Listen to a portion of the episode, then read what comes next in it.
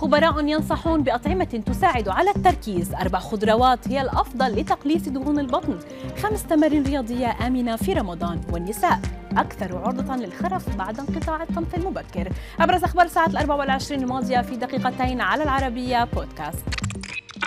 إذا كنت تعاني من النسيان فإليك الحل. ينصح خبراء التغذية بأن التمر والتين المجفف والمكسرات أطعمة تساعد على التركيز وتقوي الذاكرة وتدعم الانتباه لاحتوائهم على الفيتامينات وأوميغا 3 وقد توصل خبراء التغذية بعد إجراء الكثير من التجارب إلى أن الأطعمة التي تحتوي على مركبات غذائية تحمي خلايا المخ وتعزز من قدرتها على العمل تنعكس في شكل تحسين ملحوظ على في القدرة على التركيز كما أنها تقوي الذاكرة بشكل عام.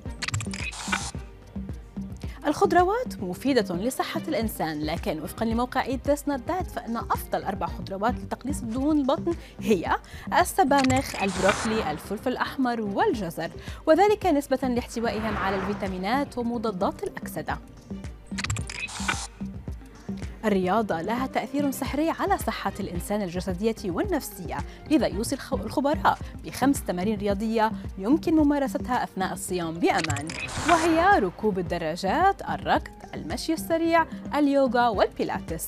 ولكن يشترط تجنب الشمس والطقس الحار وممارسة رياضات محددة بوتيرة مريحة لتجنب الإعياء أو الدوار والجفاف. وذلك وفقا لما نشره موقع Medical News Today.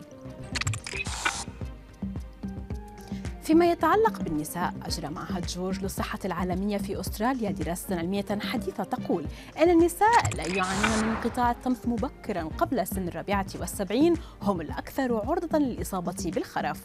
وبعد انقطاع الطمث تتساوى المرأة مع الرجل في خطر الإصابة بأمراض القلب بعد غياب الهرمون الذي يوفر لها الحماية وهو هرمون الأستروجين.